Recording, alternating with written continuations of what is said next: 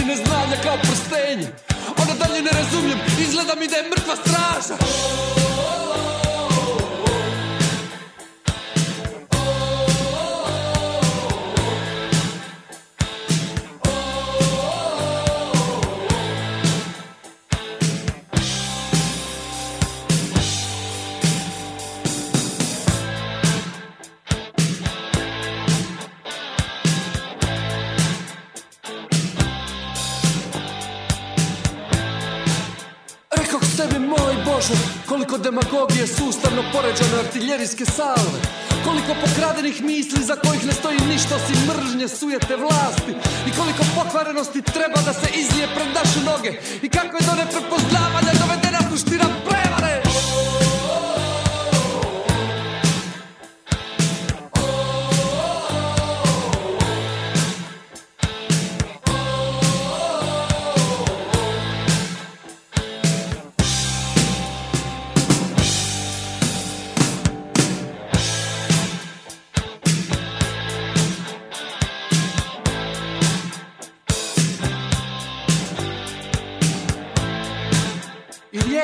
rekla u samom početku.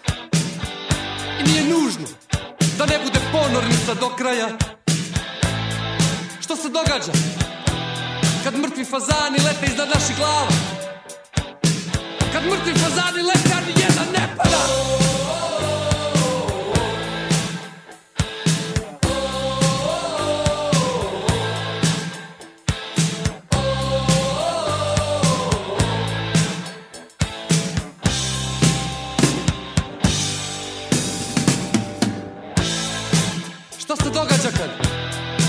očajanje zahvati ljudi.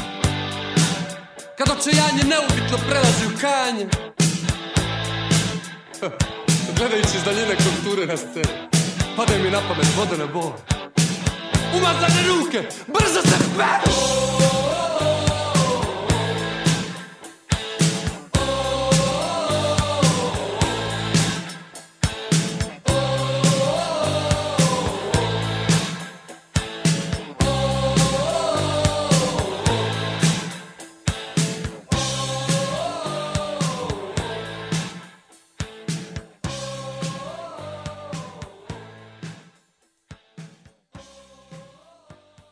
izabrala si Azru da slušamo. Zašto? Uh, Azra, Azra ima taj sentiment koji se, koji, koji se meni dopada i koji ja na neki način makar sebi laskam da ga delim. Mm. Dakle, to je istovremeno jedno očajanje zbog svega onoga u čemu živimo, u svetu u kome smo, ali istovremeno ne predaja, nego bunt protiv toga. I taj uh, taj neki odnos očajanja i bunta koji postoji ne samo u Johnnyjevim tekstovima, nego čak i u njegovom glasu. Ja mislim da čovek svojim glasom dosta toga poručuje, ne samo kad peva, nego i kada govori, uh, je nekako najbolje opisuje stanje sa kojim ja mogu da se identifikujem. Moram vam priznam da sam bila malo iznenađena izborom muzike, ali sad kako smo sa tim počeli, zaista imam taj osjećaj da smo dali neku energiju kao za početak za početak ovoga? E, ja još sam jednu stvar, ovaj, povodom Johnny, moram da kažem, koja do nekoj objašnjava taj izbor koji te začudio, jeste činjenica da ja dolazim iz Sombora. Sombor je jedno, između oslog, mesto zanimljivo po tome što su mladi moje, moje generacije. Dakle, u vreme kad sam ja bila mlada, Johnny bukvalno tretirali kao božanstvo. Dakle, Sombor je grad u kome je Johnny bio bog. Bog, pa onda svi ostali za njim u svim mogućim kategorijama.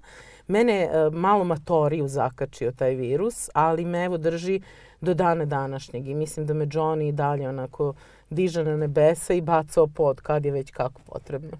Ja isto prepoznajem sad taj neki, baš kako si rekla, bunt i neki revolucionarni duh koji mi je sad zapravo super za ovo o čemu pričamo. A pričamo u stvari o tome kako iz profesije kojom se baviš a, se utiče na ovu našu stvarnost. A, nekako je su, jako često je to pitanje da li novinar, kako kažem, gde je granica objektivnosti novinara i da li novinar može da bude uopšte objektivan? Novinar ne može da bude objektivan, zato što je novinar sam po sebi čovek, on je sam po sebi subjekt. Znači, ja ne mogu da se uh, u društvenim naukama ima ono čuveno pravilo decentriranju, da bi ti mogao da posmatraš društvo kao takvo, može da se odmakneš dva, tri koraka pa da ga gledaš distance. Uh, ja mislim da je to u današnje vreme apsolutno nemoguće. Ja ne mogu da budem uh, objektivni, hladnokrvni posmatrač svega onoga što se ne samo dešava oko mene, nego što vrlo direktno utiče na moj život. Uh, Dakle, mislim da novinari ne mogu da budu objektivni jer oni žive u ovom društvu, u ovim uslovima, u ovom okruženju i tako dalje, ali oni svakako ne samo da mogu, nego moraju da budu nepristrasni. Dakle, ne mogu da budem distancirana emotivno od onoga što se dešava, ali u svom izveštavanju uh, moram da se bavim čak i negativnim stranama uh, nekih sobstvenih izbora i sobstvenih opredeljenja. Političkih, ideoloških, umetničkih, ljudskih, kakvih god mi, mislim, živimo čitavo naše odrastanje u ovo vreme kada je politika Ja inače mislim da je u svim vremenima politika svaki dan deo života, ali nama je ekstremno. Kako neko ko izabere da se bavi tom profesijom a, zadrži tu vrstu, ajde da kažem, političke objektivnosti, a da pristom jasno kaže na toj sam strani ili srce mi je na toj strani. Da li to uopšte, jer nekako jako puno ima razgovora o tome ka, gde bi novinar trebalo da drži tu svoju vertikalu. E, prvi, prva stvar koju ljudi vrlo često zanemaruju kada je to u pitanju jeste da postoje različite vrste novinara. Dakle, novinari koji prate dnevne događaje u svojstvu agencijskog TV ili radio izveštača, koji odlaze na konferencije za novinare, koji uzimaju izjave od političara i tako dalje i onda o tome pišu izveštaje, oni apsolutno moraju da se drže činjenica. I to većina njih na svu sreću još uvek radi. Dakle, ono što je rečeno, prenosiš, ono što se, što se desilo, prenosiš tako kako se desilo i tu se čitava stvar završava. Ali ako vi radite u nedeljniku, ako vi imate status taj čuveni izvikani naziv analitičara ili analitičarke, a, prosto je neprirodno da vi budete distancirani od svega onoga što se dešava. I koliko god vi bili nepristrasni, vaš stav mora da se vidi. Ali vi takođe, paralelno sa tim stavom, morate da iznesete i sve ono što se desilo i da omogućite čak i ljudima koji misle potpuno različito od vas, da sagledaju i vašu stranu realnosti, ali i realnost kao takvu. I to jeste ozbiljna tema. To je tema svuda u svetu, ne samo kod nas. Da li baš ovo što si me pitala, da li novinari mogu da budu objektivni, da li mogu da budu distancirani. Dakle, uh, uvek je to jedna vrlo labava granica. Ono, nikad nije crno ni belo, nikad nije uh, jasno, jasno određeno gde je, gde je limit, uvek je to 50 nijansi sive, uh, ali uh, bez obzira koliko bio čovek involviran i koliko bio na nekoj strani, on mora svima da pruži materijal da sami donesu svoj sud, a ne da se postavlja kao vrhunski arbitar posle čije reči više nema ništa da se čuje. A, konkretno na pitanje gde je po meni granica, po meni je granica koja ne bi smela da se pređe jeste da novinar i to jasno propisuju kodeksi naši profesionalni, ne sme da bude član ni jedne partije. Naravno, ni slučajno ne sme da bude funkcioner bilo koje partije. To se recimo sad dešava u situaciji kada imamo čoveka koji se predstavlja kao novinar i analitičar, a već je izabran za za ambasadora srpskog u Rusiji, govorimo o Miroslavu no. Da. Lazanskom. Dakle, to je jedna neodrživa situacija. Tu, tu je granica pređena već mnogo puta. Ne može da bude novinar i poslanik jedne stranke, što takođe imamo uh, imamo ovaj, prilike da vidimo u našem društvu, ali isto tako mislim da novinar ne sme ni da nastupa na političkim skupovima. Mm. Dakle, ja mogu da, da budem učesnik, učesnica nekog skupa u svoje slobodno vreme, to je moja stvar, da li ću da šetam subotom po gradu ili neću da šetam, ali mesto na onom čuvenom džipu nemam. Ni ja, niti bilo ko ko u nekoj budućnosti ili eventualno u prezentu jeste ili hoće da bude e, novinar. Takođe, mislim da je granica preko koje ne sme da se pređe jeste funkt, e, e, obavljanje funkcije u kabinetu ovog ili onog političara. Dakle, ljudi koji su bili PR-ovi bivšeg predsednika ili ljudi ko, koji sada predstavljaju sadašnjeg predsednika ili sadašnju vladu ili sadašnjeg nekog ministra i tako dalje, više ne, po mom mišljenju, ne bi trebalo da imaju status novinara, niti bi njihovi tekstovi trebalo da imaju status novinarskih.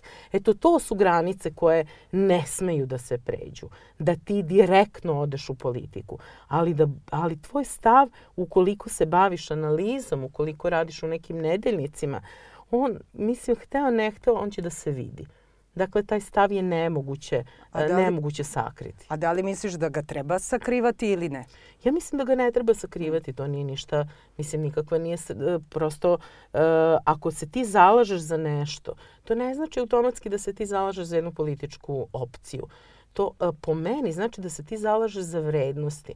Dakle, uh, ja u ovom trenutku uh, Uh, prosto iz svih mojih nastupa je to potpuno jasno. Jesam kritičar aktualnog režima, ali ne zato što ja uh, mrzim Vučića, što on voli da ističe mm. kako mi njega mrzimo. Ne mrzim apsolutno nikoga, to nije u meni u DNK ugrađeno. Ne zato što ga ja volim ili ne volim, on se meni sviđa ili se ne sviđa, nego zato što on propagira vrednosti koje su meni strane i koje su, po mom mišljenju, u suprotnosti sa deklaracijom o ljudskim pravima, u suprotnosti sa našim ustavom, u suprotnosti sa našim zakonima i tako dalje. I ja imam problem s tim i imam apsolutno pravo to da kritikujem imam apsolutno pravo da to čak i javno saopštim. To nema veze sa personom ovom ili onom, to ima veze sa vrednostima koje ta persona ili neka druga s kojom ćemo imati posla u budućnosti uh, zastupa. Znači, vratila bih se na 50 nijansi sive uh, i tu metaforu sa seksom, odnosno između petinga i sadomazo. Uh, čini mi se da u vreme kada smo mi odrastale, posao novinara je bio da prenosi neku istinu. A čini mi se da već jako dugo je zapravo posao medija, odnosno medij je bio posrednik uh, prenošenja te istine, a danas mediji formiraju istinu. I to je dosta različita pozicija i tu vidim i tih 50 nijansi sive. Uh, I sad u kontekstu ovoga što si malo prepričala, toga da svaki no, čovek ima pravo na svoje političko mišljenje, na, na, na neki set vrednosti, uh, ne samo sa jedne strane što mi imamo Vučića za koga smo mi druga Srbija, ne, narodni neprijatelji, lično ga mrazimo i tako dalje, nego čini mi se da i ova strana kojoj kao pripadamo smatra da zato što im kao pripadamo ima polaže pravo na nas.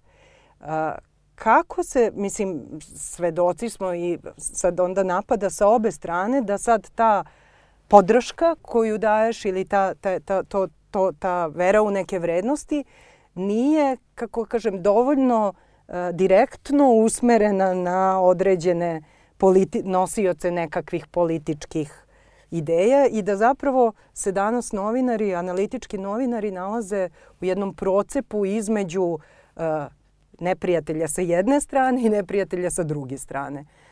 Kako se osjećaš? E, pa to jeste ogroman problem. To jeste ogroman problem, e, ali mi, nažalost, zatrpani drugim problemima koji mnogo više utiču na slobodu medija, o tome redko kad i razmišljamo.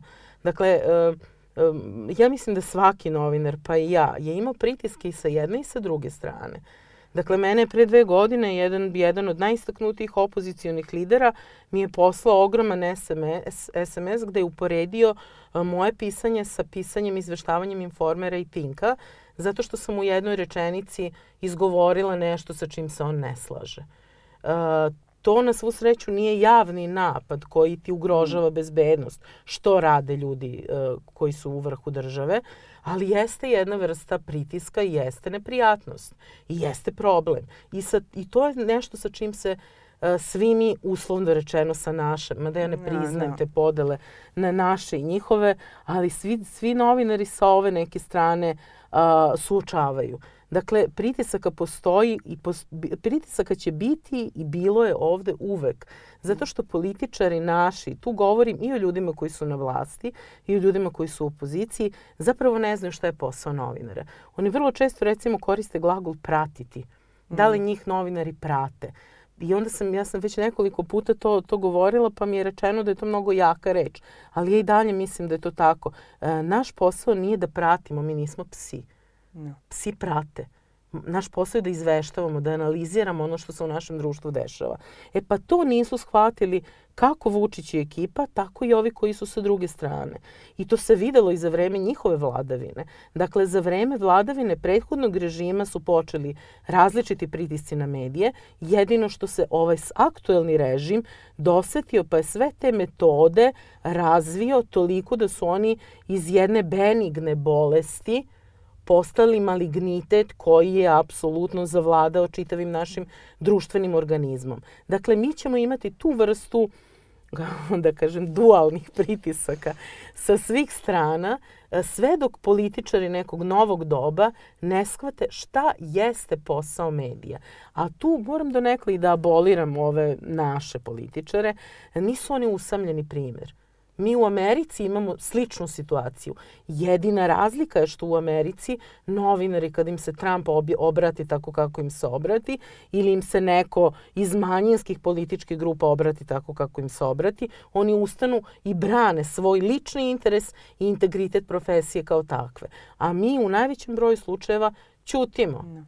A kaži mi, kada sad poredimo te dve stvari koje su sa jedne strane neuporedive, mislim nešto što je napad na ličnu bezbednost, a sa druge strane neki napad koji je, ja bih ga bar više lično doživela emotivno. Tako je. Šta te, mislim, da li se plašiš? Šta te, šta te više uznemirava? Mene uznemiravaju sve te stvari. E, naj, najviše me uznemirava, najviše me uznemirava javno napadanje i javno prozivanje, zato što ono podrazumeva onda ne samo mene lično, već i neke ljude koji su oko mene, konkretno sad na moju porodicu. To utiče na moju majku i na moje dete, to može direktno da utiče i onda se ja zbog njih brinem. Meni je svaki put kada me neko pomene, na svu sreću mene ne pominju baš toliko koliko neke druge kolege, Uh, ja znam da moje majci skače šećer i da se njoj istog trenutka menja doza insulina. I ja sam u tom, u tom smislu vrlo uplašena. Plašim se šta će mom detetu neko da kaže u školi. Ne znam šta će biti, kako će oni na to da reaguju. Tako da me to u tom smislu mnogo više uznemirava. Ali znate šta, mislim, moja generacija novinara, ja sam novinarka sad već skoro 25 godina, je naprosto počela uh, svoje novinarstvo u tim uslovima. Straha, napetosti, bede, jedne konstantne borbe za elementarne uslove rada.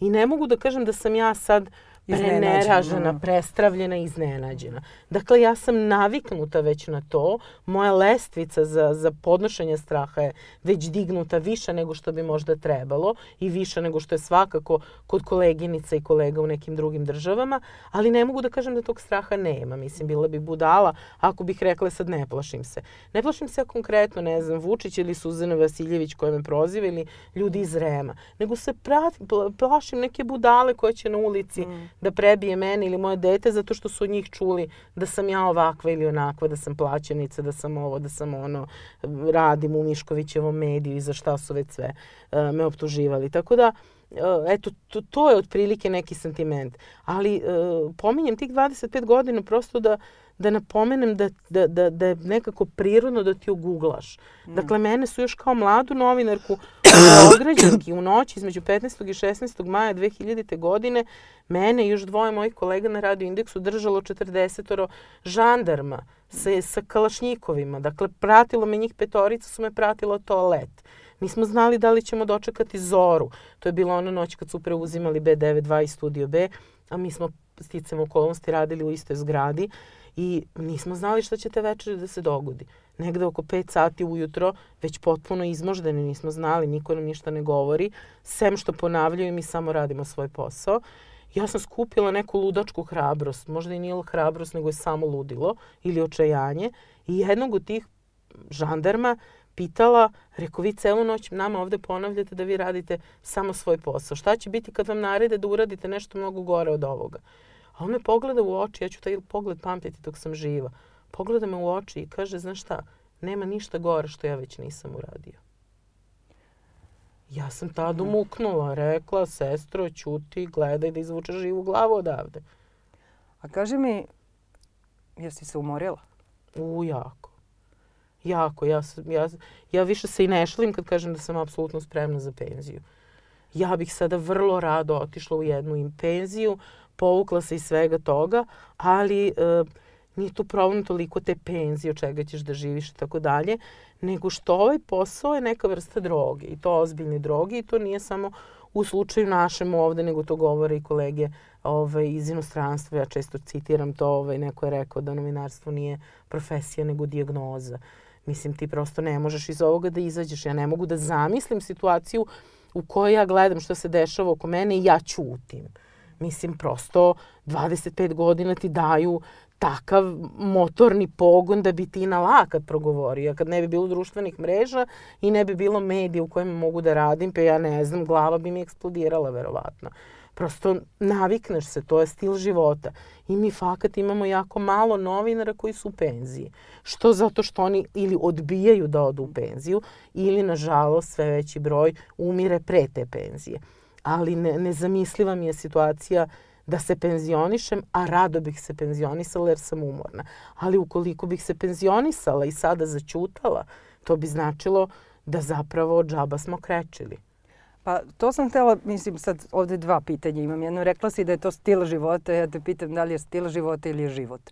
Da li uopšte može da se napravi, mislim ima tih ljudi, jer ranije sam mislila da su to profesije ovo kako kažeš, ali sad ja mislim da su to neki ljudi unutar nekih profesija kojima je to život.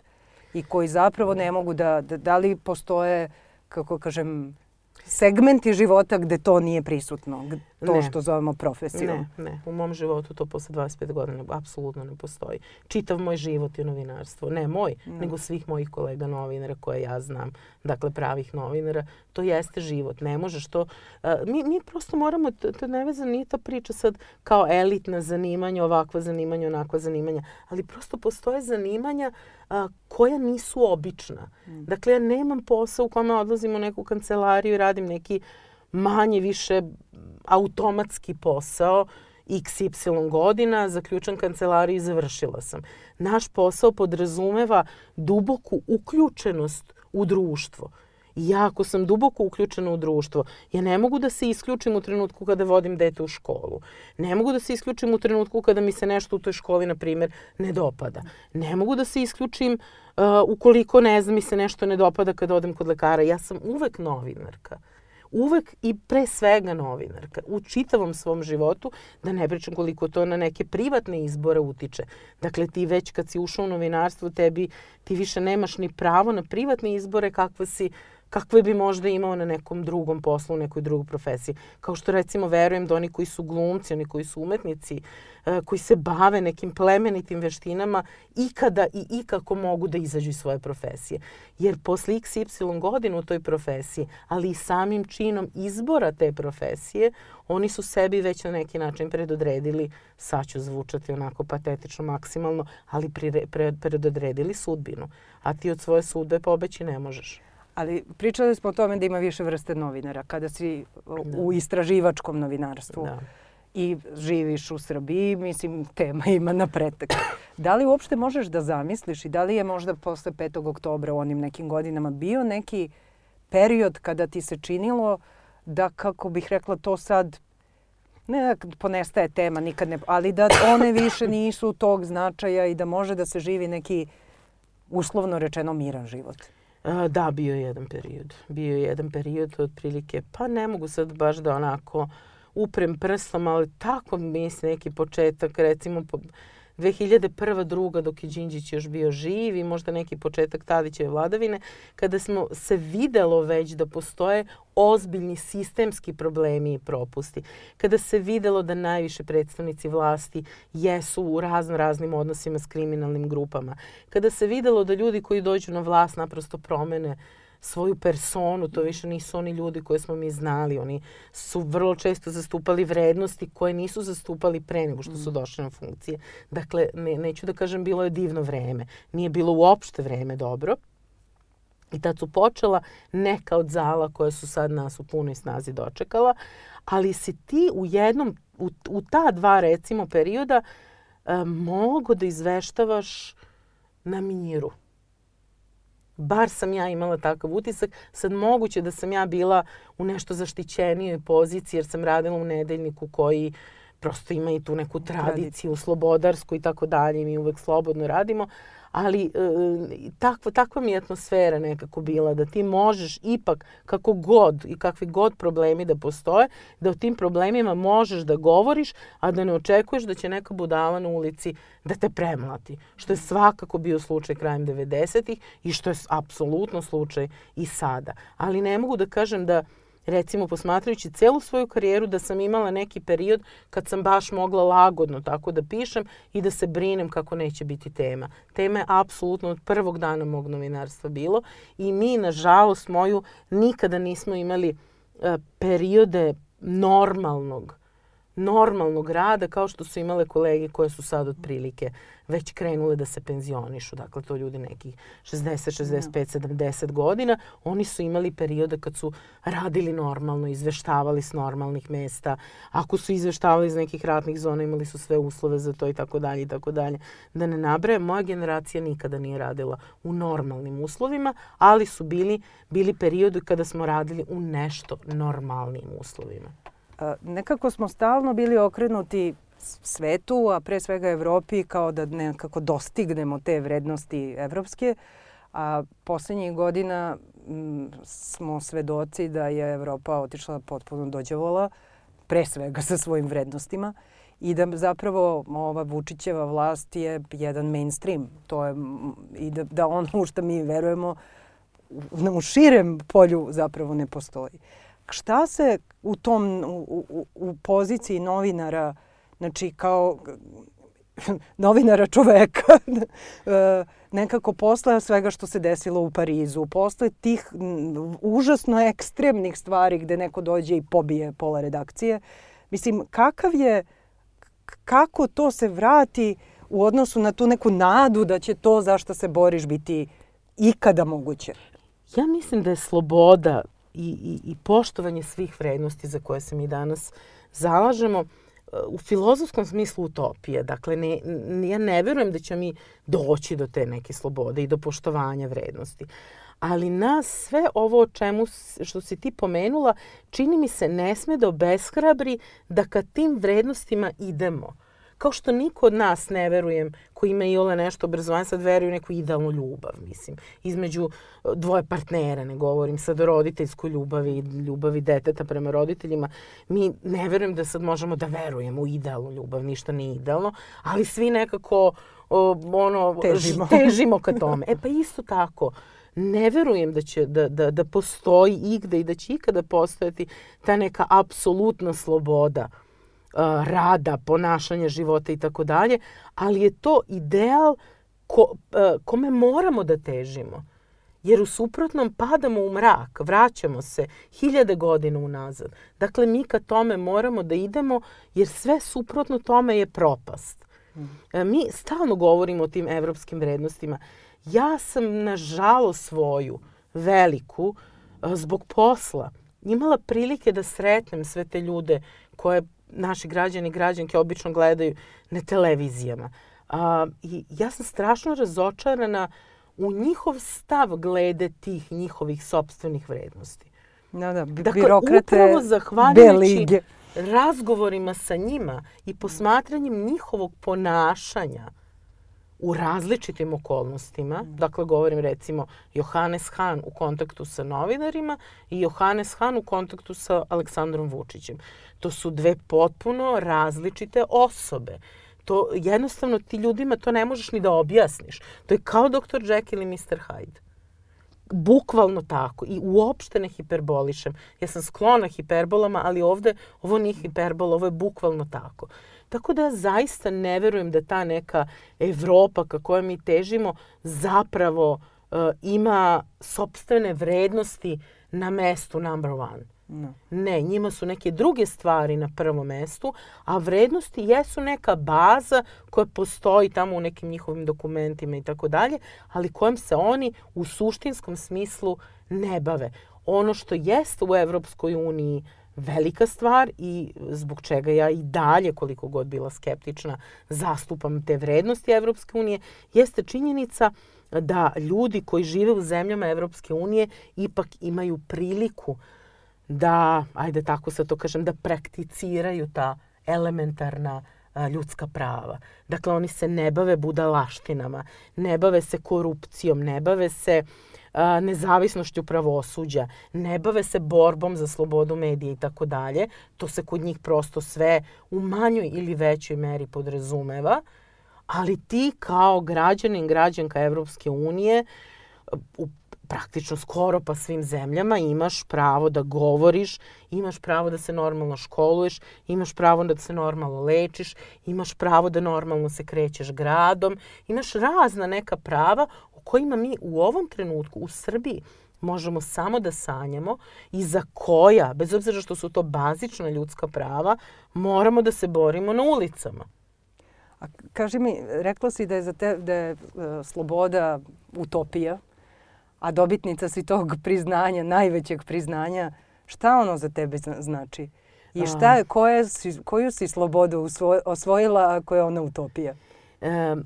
Ja sam, kad, kad sam 2017. godine dobijala tu nagradu osvajanja slobode, ja sam taj svoj kao govor prigodni počela um, osvrtom na govore nekih ranijih dobitnica, pre svega profesorke Srbijanke Turalić, koja kad je dobijala osvajanje slobode rekla je uh, ovo je prvi put da dobijem priznanje za svoj poraz i nisam nikakvu mm. slobodu osvojila.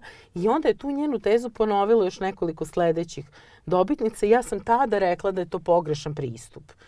E, zato što to nije poraz. To je znak da se boriš sloboda i za nas, za mene, za tebe, za drugog, za trećeg, bilo gde u svetu. Nije nešto što ti imaš u rukama pa sad si osvojio i eto, to, to je sad tvoje. Ne, os, sloboda je nešto što osvaješ svakog dana na raznim planovima. To nije nešto što ti dobiješ i sad evo zabetoniram to i to je moje i to sad niko više neće dirati. Ne, ti se boriš, ti širiš polje svoje slobode, ti se boriš za svoje osnovne slobode svakog dana. I mislim da i ta nagrada i kad pričamo o borbi za slobodu zapravo znači da te još niko nije zaustavio u nameri da tu slobodu osvojiš. Da te niko nije zaustavio u tvom maratonu ka tom idealu koji možda postoji, otkud znam, možda se jednog dana svi iznenadimo. Za sada iz ove pozicije to deluje kao utopija, ali možda postoji, možda je negde, možda ćemo je dohvatiti, ko dugu. Uvek idemo, uvek stremimo u ljudskoj psihi da stremi da, da prođe ispod te duge, da ode na drugu stranu. Tako da e, mi u ovom trenutku stvarno nemamo slobodu. Ja mislim da mi ne živimo u, u, Srb, u, u Srbiji, ljudi ne žive kao slobodni građani. Mislim, evo, pomenula sam recimo slobodu kretanja. Ja apsolutno mislim da ovo što se dešava sa Beogradom jeste tendencijozno ograničavanje e, slobode kretanja, jeste getoizacija grada, e, jeste ograničavanje društvenih kontakata i tako dalje. Mislim da je to deo jednog projekta ozbiljnog, vrlo dobro smišljenog, toksičnog, poražavajućeg, neopisivo zlog projekta koji se nad nama, na, na, na nama vrši. Tako da mi ne, mi ne živimo kao slobodni ljudi. Ali poraženi ćemo biti tek onog trenutka kada prestanemo da se za tu slobodu borimo. Rekla si da, da se boriš dok te drugi, dok nas nisu sprečili Jel nas drugi sprečavaju ili sami sebe sprečavaju? Jer ja mislim da, čini mi se da zapravo je najveća opasnost sadašnjeg trenutka što sami odustajemo od toga da od te, tog osjećaja nemoći, dugoročne nemoći da se nešto uradi, od tog osjećaja da smo neki dinosaurusi koji su u izumiranju. Od svih tih osjećaja da se nekako povlačimo u neke, ne, neke ne znam, da eto, zatvoramo u te stanove jer više ne možemo ni na ulice da izađemo. Pa mi, mi prosto to je prirodan proces. Mi, u, mi se umaramo. Mm. Nismo perpetu mobile. Dakle, umorimo se. Ti se 20, 25 godina, sad gledam iz pozicije novinarstva, ja sam 25 godina na ulici u rovovima. I mislim, 25 godina pišemo istim ljudima. Evo sad sam dobila zadatak da pišemo Vojslavu Šešelju. Šta ja više da napišem o Vojslavu Šešelju? Meni se kad dobijem takve teme dešava da pišem tekst I onda da, da shvatim, ja, meni ova rečenica poznata. Onda ukucam tu svoju rečenicu u Google da vidim da li sam je već ranije upotrebila u nekom tekstu. I nekad mi se dogodi da vidim da jesam. Mm. Dakle, da ponavljam sobstvene rečenice. Folder Šešelj. Folder Šešelj, folder mm. Vučić. Mislim, ja kad sam u politici znam za Vučića i Vulina. Meni je Vulin bio prvi sagovornik u životu. Dakle, prva osoba ispred, ispred čijeg nosa sam stavila diktafon je bio Vulin. Ja i dalje tog čoveka gledam na istoj, ako ne i na većoj poziciji moći nego što je bio tada. Ali gleda i on tebe. Mislim, hoću da kažem, ipak postoji ipak im sledi, odnos. Da. da kažeš, da, pa apsolutno postoji odnos, ali moram da priznam da mi je tog odnosa već puna kapa, malo bi da imam odnos i s drugim ljudima, da prostite. Da. Tako da, mislim, to, to, je prirodan umor. Da. Nemoguće, bili bismo mašine, bili bismo nenormalni ukoliko bismo rekli sad nismo umorni. Umorni smo. Druga stvar, tu su i godine. Ja meni da je neko rekao da ću ja sa 46 godina da se i dalje bavim ulicom, da i dalje imam problem ko što sam imala i sa slobom sa 20 godina.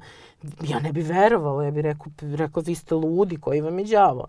Mislim, tako da smo zbog umora tu, ali ja mislim da taj umor ne znači da se mi i dalje ne borimo. Jer sve dok govorimo, sve dok dišemo i pišemo, sve dok radimo bilo šta što ovom što ti kažeš što njih tera da nas prepoznaju, kaže ja evo ove opet, a, to je znak da borba traje. I ja mislim da kada su u pitanju neke naše generacije koje žive i bore se na taj način, da ćemo se mi boriti do groba. Tu nema, tu nema kraja. To je tako. Ja sam Bolje se na nekim... grob nego rob. A, ja apsolutno zastupam tu, tu tezu. Jednom sam to napisala na Facebooku pa su se silni neki pobunili kao, mislim šta sad ja pišem. Da, bolje grob nego rob. Uvek ali uvek taj, ta parola. A kakva je pozicija žene? Misliš, šta su uh, ma, poteškoće, a sigurno ima i prednosti biti žena u novinarstvu? Pa, ajde da sad neki pozitivan glas ja ovaj, ka, proturim. Mislim, pozitivno su te neke praktične svakodnevne stvari.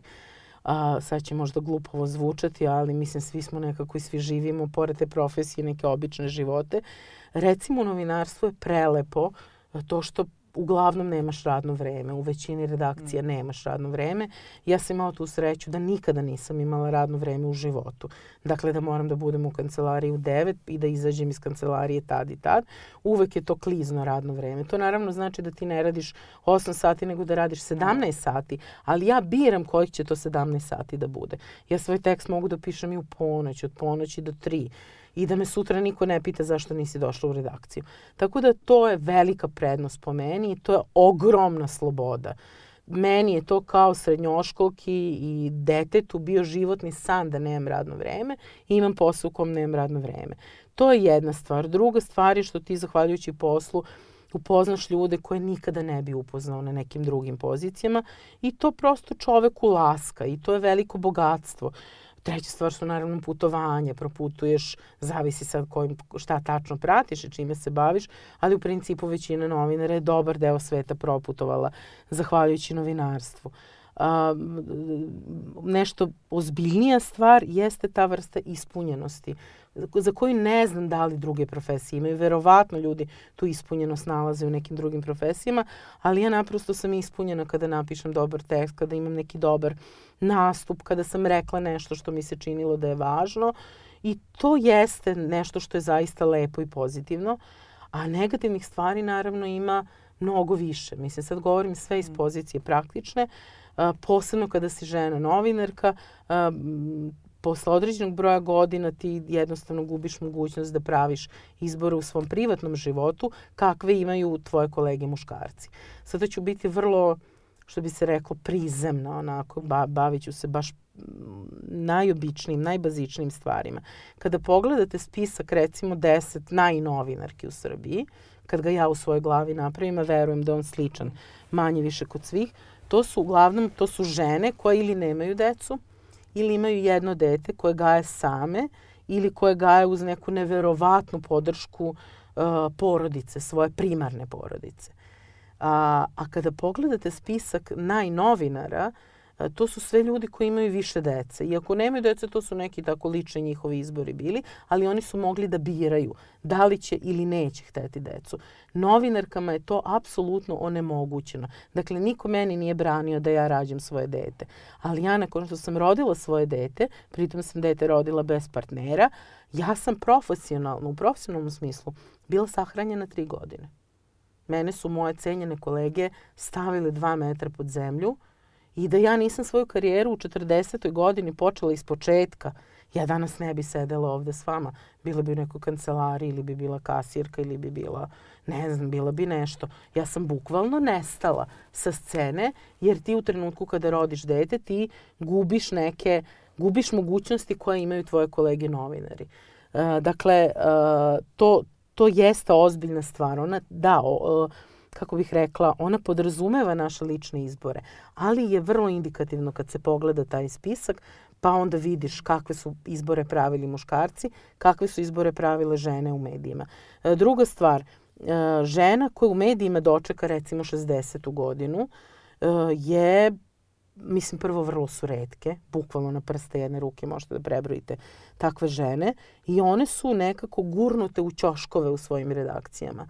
A kolege koje dođu u 60. godinu, kako ih zovemo? Pa oni su bardovi novinarstva.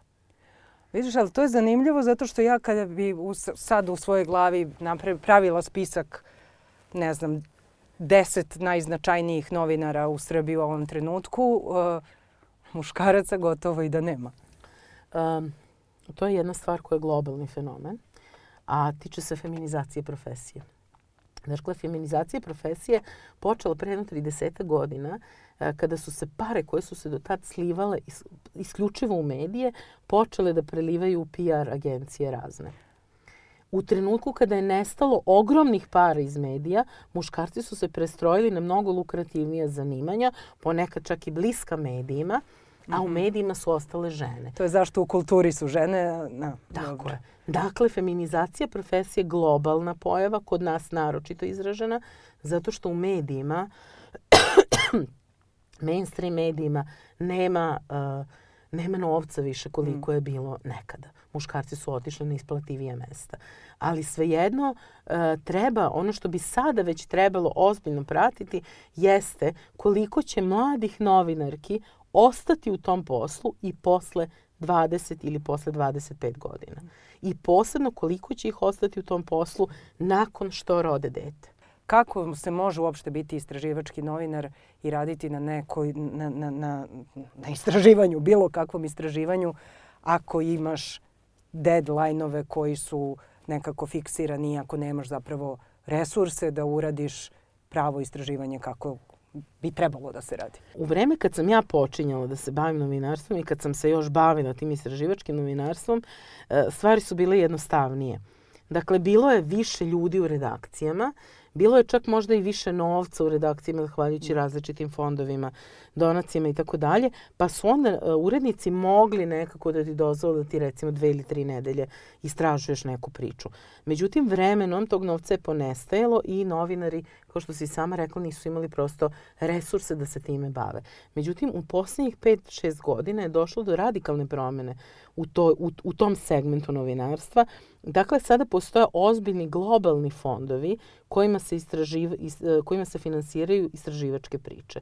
I to mi vidimo čak i na našem domaćem tlu. Mi sad imamo već nekoliko ozbiljnih portala e, koji se bave istraživačkim novinarstvom i isključivo istraživačkim novinarstvom. Dakle, ne prate dnevne događaje, nego rade istraživačke priče. Imamo CINS, imamo uh, Krik, imamo BIRN, imamo Insider koji se time i ranije bavio.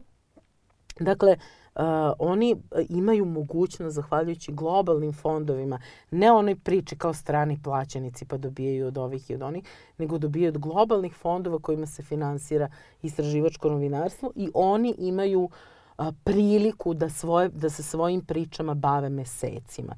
U moje vreme kad sam ja počinjala to je bilo apsolutno nezamislivo a, i to je i dalje nezamislivo u onome što mi zovemo mainstream medijima. Dakle, zašto mi imamo istraživačke portale, a ne istraživačke tradicionalne medije? Zato što tradicionalni mediji ne može da opstane samo baziran na istraživačkim pričama. On svoje usluge mora nekako da širi i na zabavni sektor i na edukativni sektor itd. itd. Dakle, da se ne bavi samo istraživanjem, nego da ima još neke druge sadržaje i zato se istraživačko novinarstvo preselilo na te web portale koji, kažem, imaju mogućnost da se time bave, a onda tradicionalni mediji mogu da preuzmu njihove priče problem, ne problem, ali prosto nešto na šta bi trebalo skrenuti pažnju, jeste da je to strašno komplikovana forma novinarstva. Ona jako mnogo traži od ljudi. Ona traži 24-časovni rad, bukvalno 24-časovni, vođenje računa o svakom detalju i naravno ja mislim da je istraživačko novinarstvo najopasnija forma a, novinarstva danas jer vas niko neće ubiti zato što ste vi rekli nešto protiv ovog ili onog političara. Možda će neko da vas umlati na ulici i tako, ali neće vas ubiti.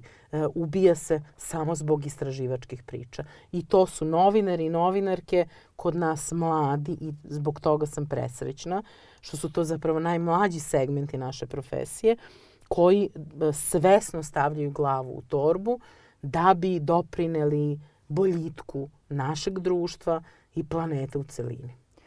Radiš u, u, u kultnom, tradicionalnom mediju, kako kažeš, je, koje je zaista, mislim, užasno važan, obeležio jedan dugi vremenski period, ali čini mi se danas u, u vreme ovih novih medija, kakav je taj dvojni odnos i koliko ti je to važno što je sad ta publika mala ili ti je u stvari u nekom smislu uh, i super što znaš sve svoje čitaoce. Ja se nadam da nismo još u fazi da ih baš sve znam. Mislim, verujem da nismo. Uh, ja nikada nisam o tome razmišljala. Dakle, meni i kad sam počinjala i, i dan danas uh, ja uopšte ne razmišljam onome što ljudi iz marketinga kažu da bi trebalo da se razmišlja, do kolikog broja ljudi to, to stiže. Uh, E, dakle, potpuno mi je jasno, mi živimo u državi u kojoj trećina ljudi nepismena, mislim, dve trećine funkcionalno nepismeno i svesna sam da dobar deo građana i građanke Srbije naprosto, ne, mi zaista ne misle ništa loše, ali prosto ne mogu da razumeju rečenice tamo iz vremena i da im mnogo lakše da čitaju informer Srpski telegraf ili sad već da ne pominjem, ali o tome apsolutno ne razmišljam. Nikada pišem, nikada uh, se predstavljam kao novinarka vremena, nemam nikakav problem s tim. Prosto u svim državama, na svim stranama sveta postoje ovakvi ili onakvi mediji. E, ja sam imala sreću da dođem baš u takav, kakav se meni sviđa, koliko god ljudi da ga je čitalo, jer verujem da ga čitaju pre svega oni koji mogu da dovedu do nekih promena. I to mi je važno. Dakle, nije mi važno da nas čita 6 miliona. Važno mi je da nas čita desetak hiljada onih koji mogu da urade nešto i za tih desetak, pet ili koliko god ih ima hiljada, potpuno je nevažno, za njih radim. I zbog njih mi je čast što radim tu gde radim. Tako da mislim da, da to je jednostavno, ali to je već odavno pitanje koje sebi ne postavljam, a ne verujem ni da postavljaju ovaj, novi, drug, drugi novinari vremena. Meni je čast, meni je orden što radim tu gde radim, što pišem za novine za koje pišem i mislim da i ono malo publike koje nas čita jesu ljudi u koje vredi investirati i svoje vreme, i svoje vrednosti, i svoje poruke. A, jel u tome vidiš budućnost i taj neki optimizam i da li uopšte ima mesta za optimizam i mislim kako bih rekao, kako da napravimo da ovaj naš život bude bolji? To je vrlo teško pitanje. Filozofsko tako reći. Pa, mm, ja, ja nemam recept. Ja nemam recept. Ja ne znam da li ta stalna borba za koju sam se opredelila ja i mnogi ljudi koje znam, da li će ona na kraju doneti uh, neki rezultat. Stvarno ne znam. Ali uh, u trenucima očajanja vratim se, na primjer, 50 godina unazad ili 60 i shvatim da smo mi u nekim segmentima naših života prešli za tih 50 godina korake od 7 milja. Recimo, uvek mi je tu dobra ilustracija uh, iz, iz oblasti feminizma, pošto mm. sam ja i na tom polju uh, aktivna. Dakle, ja nisam od onih koji kažu, ali nisam feministkinja. Ne, ja ističem uvek i svuda, ja sam feministkinja i time se ponosim. Dakle, uh, ja u, u sobstvenoj porodici, moja rođena tetka je 50 i nešto puta imala ilegalni abortus. Kada se porodila, uh, sa decom je morala, sa detetom je morala sedam dana da spava u štali. Dakle, moja rođena tetka. A ja danas u Beogradu javno pričam o feminizmu, o ovim abortusima i gajim dete sama. Pa dobro, ali s druge strane u Hrvatskoj se to, to pitanje sada je pitanje to svih pitanja. To je pitanje koje nije rešeno. No. To je pitanje koje nije rešeno, ali to je pitanje u kome mi jesmo napravili ogroman korak i taj ogroman korak nas treba da goni da se mi borimo i dalje. Uh, podsjetit ću, ne znam se da li, da li, da li gledaš ovu sluškinjenu priču, to mi je postala omiljena serija u posljednjih godinu dana, ali sluškinjena priča na jednom mestu se kaže mi smo, je, mi smo imali sve i samo se jednog dana dogodilo da više nemamo ništa. ništa.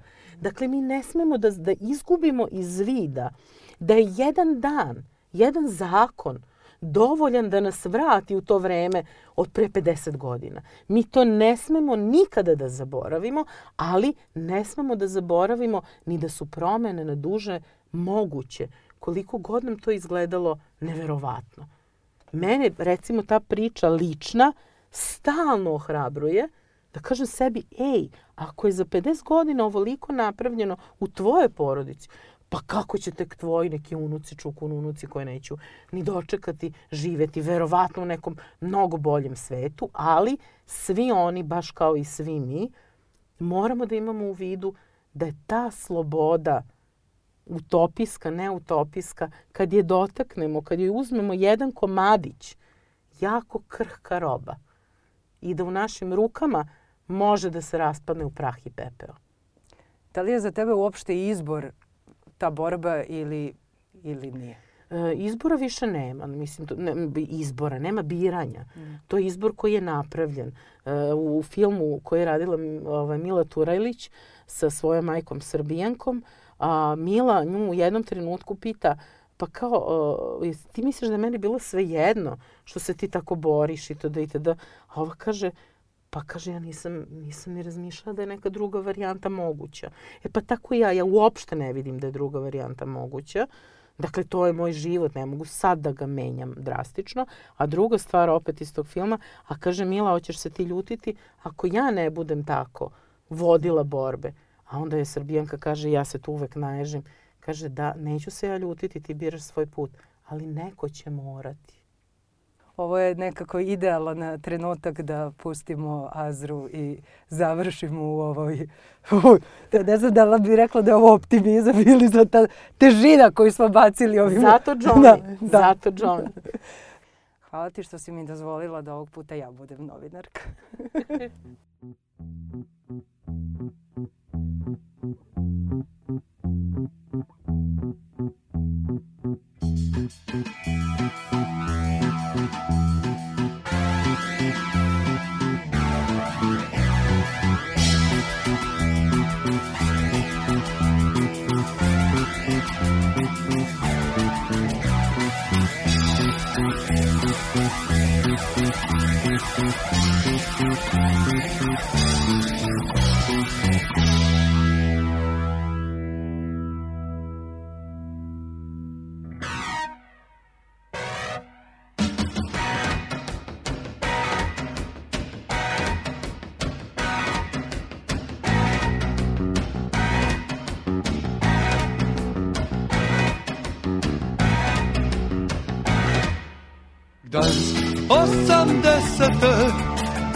je jesen rekla ne Gdansk osamdesete Držali smo palčeve.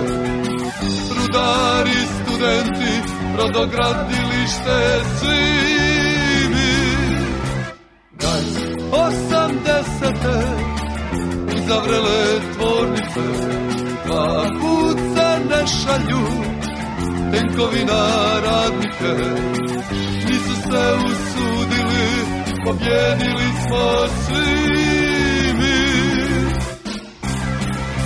Poljska u mome srcu, u mome srcu mazurka Poljska nije nikad, nije nikad dala Krislingar Svaki dan, svaki dan, poloneza, poloneza, zvoni na mojim vratima Poljski janta, Poljski janta, na rukice, volađine čuke, šiberu polcijene, papa Vojtila i ja.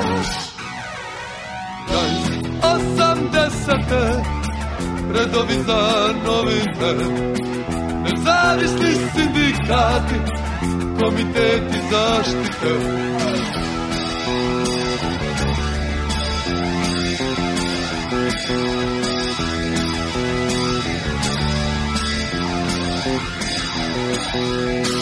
Nisu se usudili, pobjedili smo svi mi. Vojska u mome srcu, u mome srcu mazurka. Vojska nije nikad, nije nikad dala kvislinga. Svaki dan, svaki dan, poloneza, poloneza, zvoni na mojim vratima. Poljski janta, Poljski janta, na rupice, Povođine čuke, šiberu polcijene, a pa Vojtila i ja. Osamdesete, zavrele tvornice, pa put se ne šalju, tenkovina radnike, tenkovina radnike, tenkovina radnike, tenkovina radnike.